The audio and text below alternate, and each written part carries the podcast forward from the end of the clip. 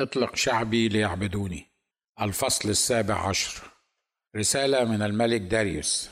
خافوا وارتعدوا قدام إله دانيال.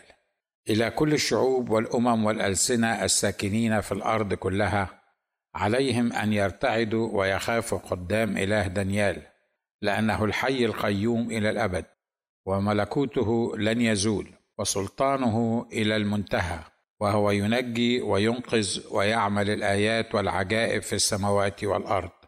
هذه رسالة مفتوحة من الملك داريوس الذي في أيامه ملك على كل الأرض تقريبا. وما أعظم كلمات الملوك فكلام الملوك ملوك الكلام.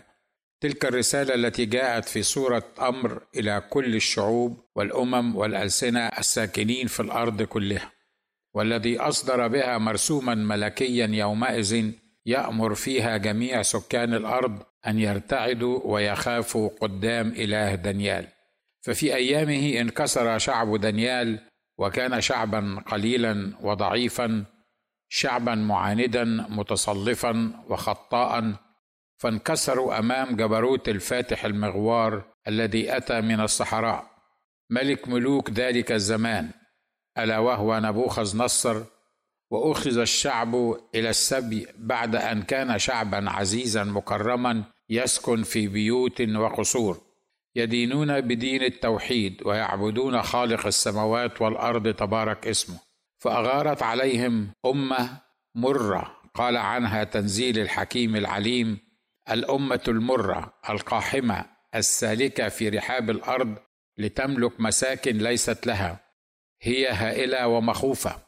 من قبل نفسها يخرج حكمها وجلالها وخيلها أسرع من النمور وأحد من ذئاب المساء وفرسانها ينتشرون وفرسانها يأتون من بعيد ويطيرون كالنسر المسرع إلى الأكل يأتون كلهم للظلم منظر وجوههم إلى قدام ويجمعون سبيا كالرمل وهي تسخر من الملوك والرؤساء ضحكة لها. وتضحك على كل حصن وتكوم التراب وتأخذه ثم تتعدى روحها فتعبر وتأثم. هذه قوتها إلهها. حبقوق واحد خمسة لحداشر. أمة وجوهها كالصوان يركبون الفرسان ولا يرحمون رجلا ولا طفلا ولا امرأة.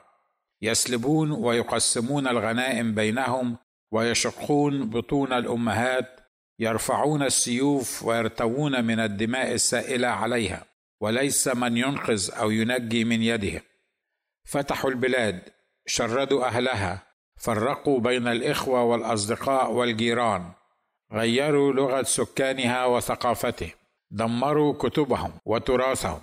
ألقوا بها في البحر الأبيض المتوسط وادعوا أنهم أصحاب العلوم الحساب والرسم والطب والهندسة أرادوا تدمير دياناتهم بالكامل ومحوا تاريخهم من سجل الأيام. علموا أولادهم لغة الفاتح المغوار فأصبح عامة الشعب لا يعرفون من هم. أهم عرب قبط أم عجم أم بابليون؟ حذفوا هذه الفترة من كتب تاريخهم. أصبح التاريخ يبدأ من بداية زمن الفاتح المغوار. استهانوا بإلههم.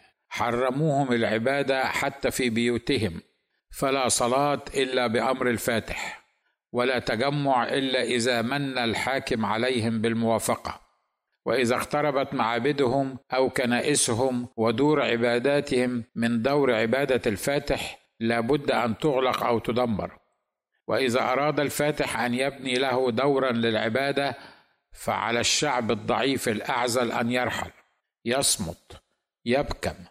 فالأرض ليست أرضهم وإن قاموا للصلاة قامت الدنيا وقعدت فبناء دور العبادة لابد أن يكون بأمر الفاتح وتصليح دورة مياه منهدمة لابد أن تكون بموافقة أولي الأمر وهي جريمة دخل البعض بسببها السجون وقتل البعض الآخر والناس نيام وهم لا يعلمون. وإن اختفوا في البيوت والمغاير والكهوف اتهموا بالعمل ضد القانون ونظام الحكم وتكوين منظمات سرية تهدف إلى زعزعة أركان المجتمع وتقويض دعائمهم وبنائه المصون. وفي النهاية هم الخائنون الجاحدون من لا يشكرون ربهم لما أنعم به عليهم من حرية على يد الفاتح المغوار. وإذا دخل الفاتح محراب أصحاب البلاد عليهم أن يقفوا ليجلسوه. ويجوعوا ليطعموه ويؤووه ومالهم وعرضهم ونساءهم وأولادهم غنيمة له. وسبي عباد الإله الواحد الذي لا شريك له ونسوا إلههم وقدرته وتصالحوا مع الأنظمة القائمة وأصبح ما يقوله الملك أو الوالي أو الحاكم أهم مما يقوله الله سبحانه وتعالى. ودخلت شريعه الفاتح وتعاليمه إلى عقول الناس وحياتهم فخرج من تمتعوا بحماية الفاتح أو عطفه ومن وصلوا إلى مناصبهم بتملقهم وخيانتهم لأهلهم يمدحون الفاتح ويقبلون يديه وحذاءه ويتغنون بما يتمتعون في عهده من حرية وكرامة واستقلالية وفول وطعمية. وفي النهاية الحمد لله الذي أبقى لنا بقية ولم يسلمنا إلى أيديهم القويه ورويدا رويدا حلت التعاليم الغريبة مكان تعاليم المولى تبارك اسمه. وأقنعهم المستعمر أنهم ليسوا بشعب الله الذي اختاره لنفسه. وأقنعهم أنه لا فائدة من المقاومة والوقوف بجانب الحق.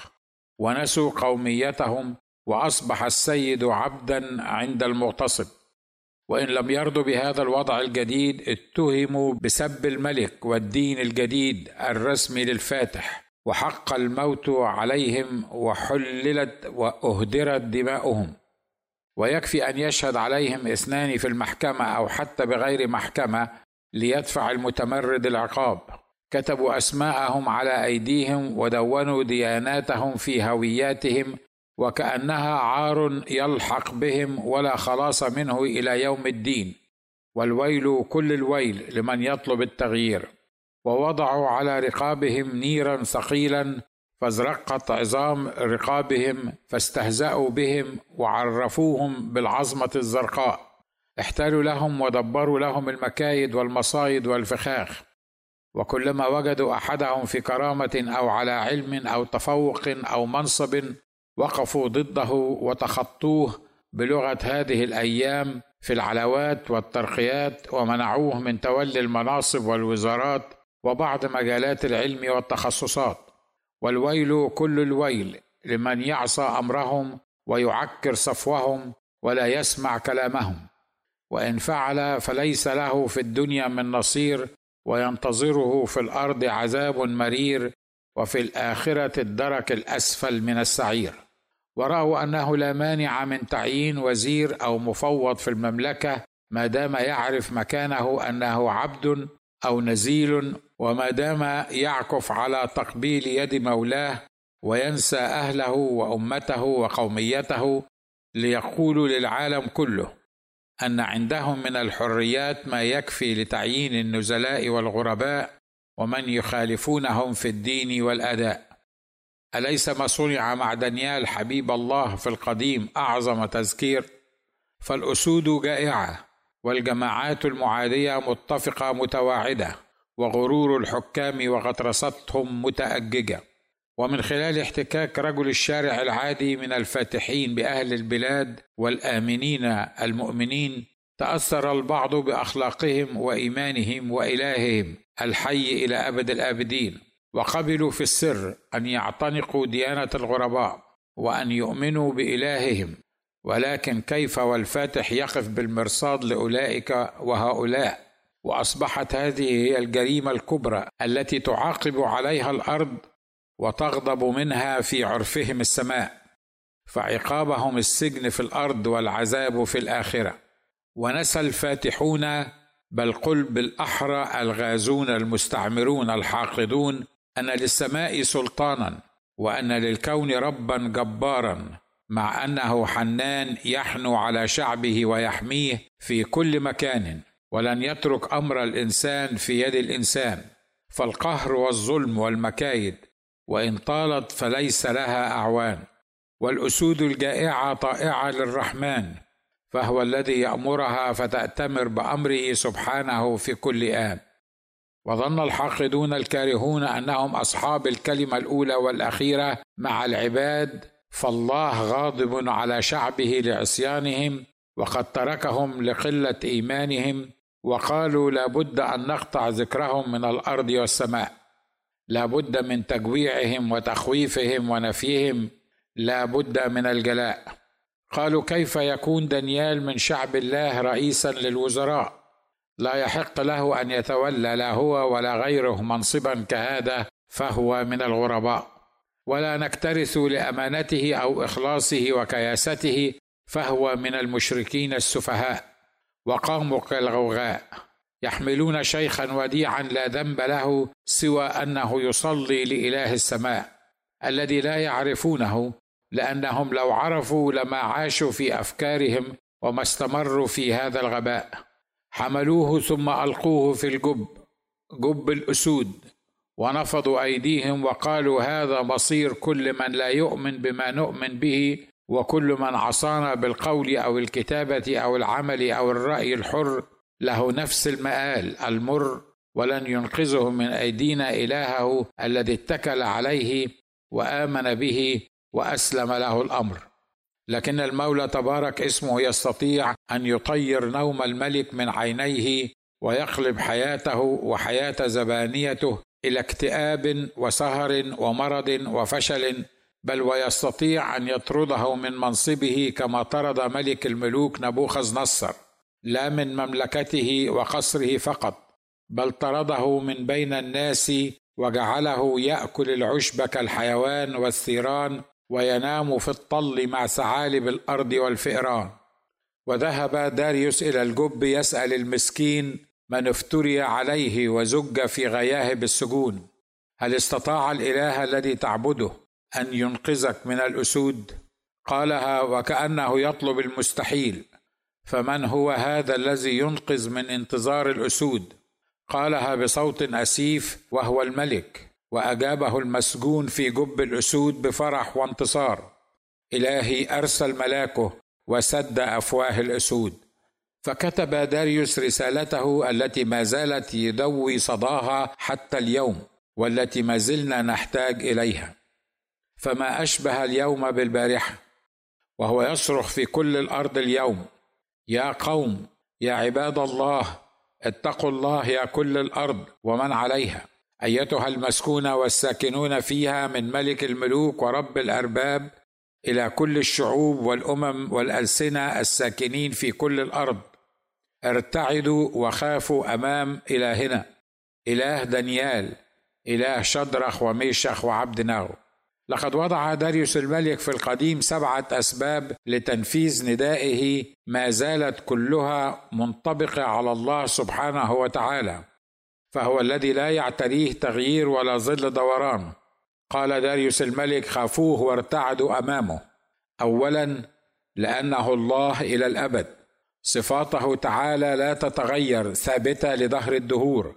وكلامه لا يتغير فهو كما قال عن نفسه أنه لا يرجع في كلامه.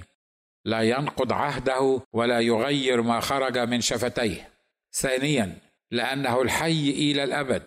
حتى لو تناسى البشر هذه الحقيقة حتى لو ظنوا أنه لم يعد هو إله العهد القديم الذي كان يظهر جبارا في وسط شعبه يخلص.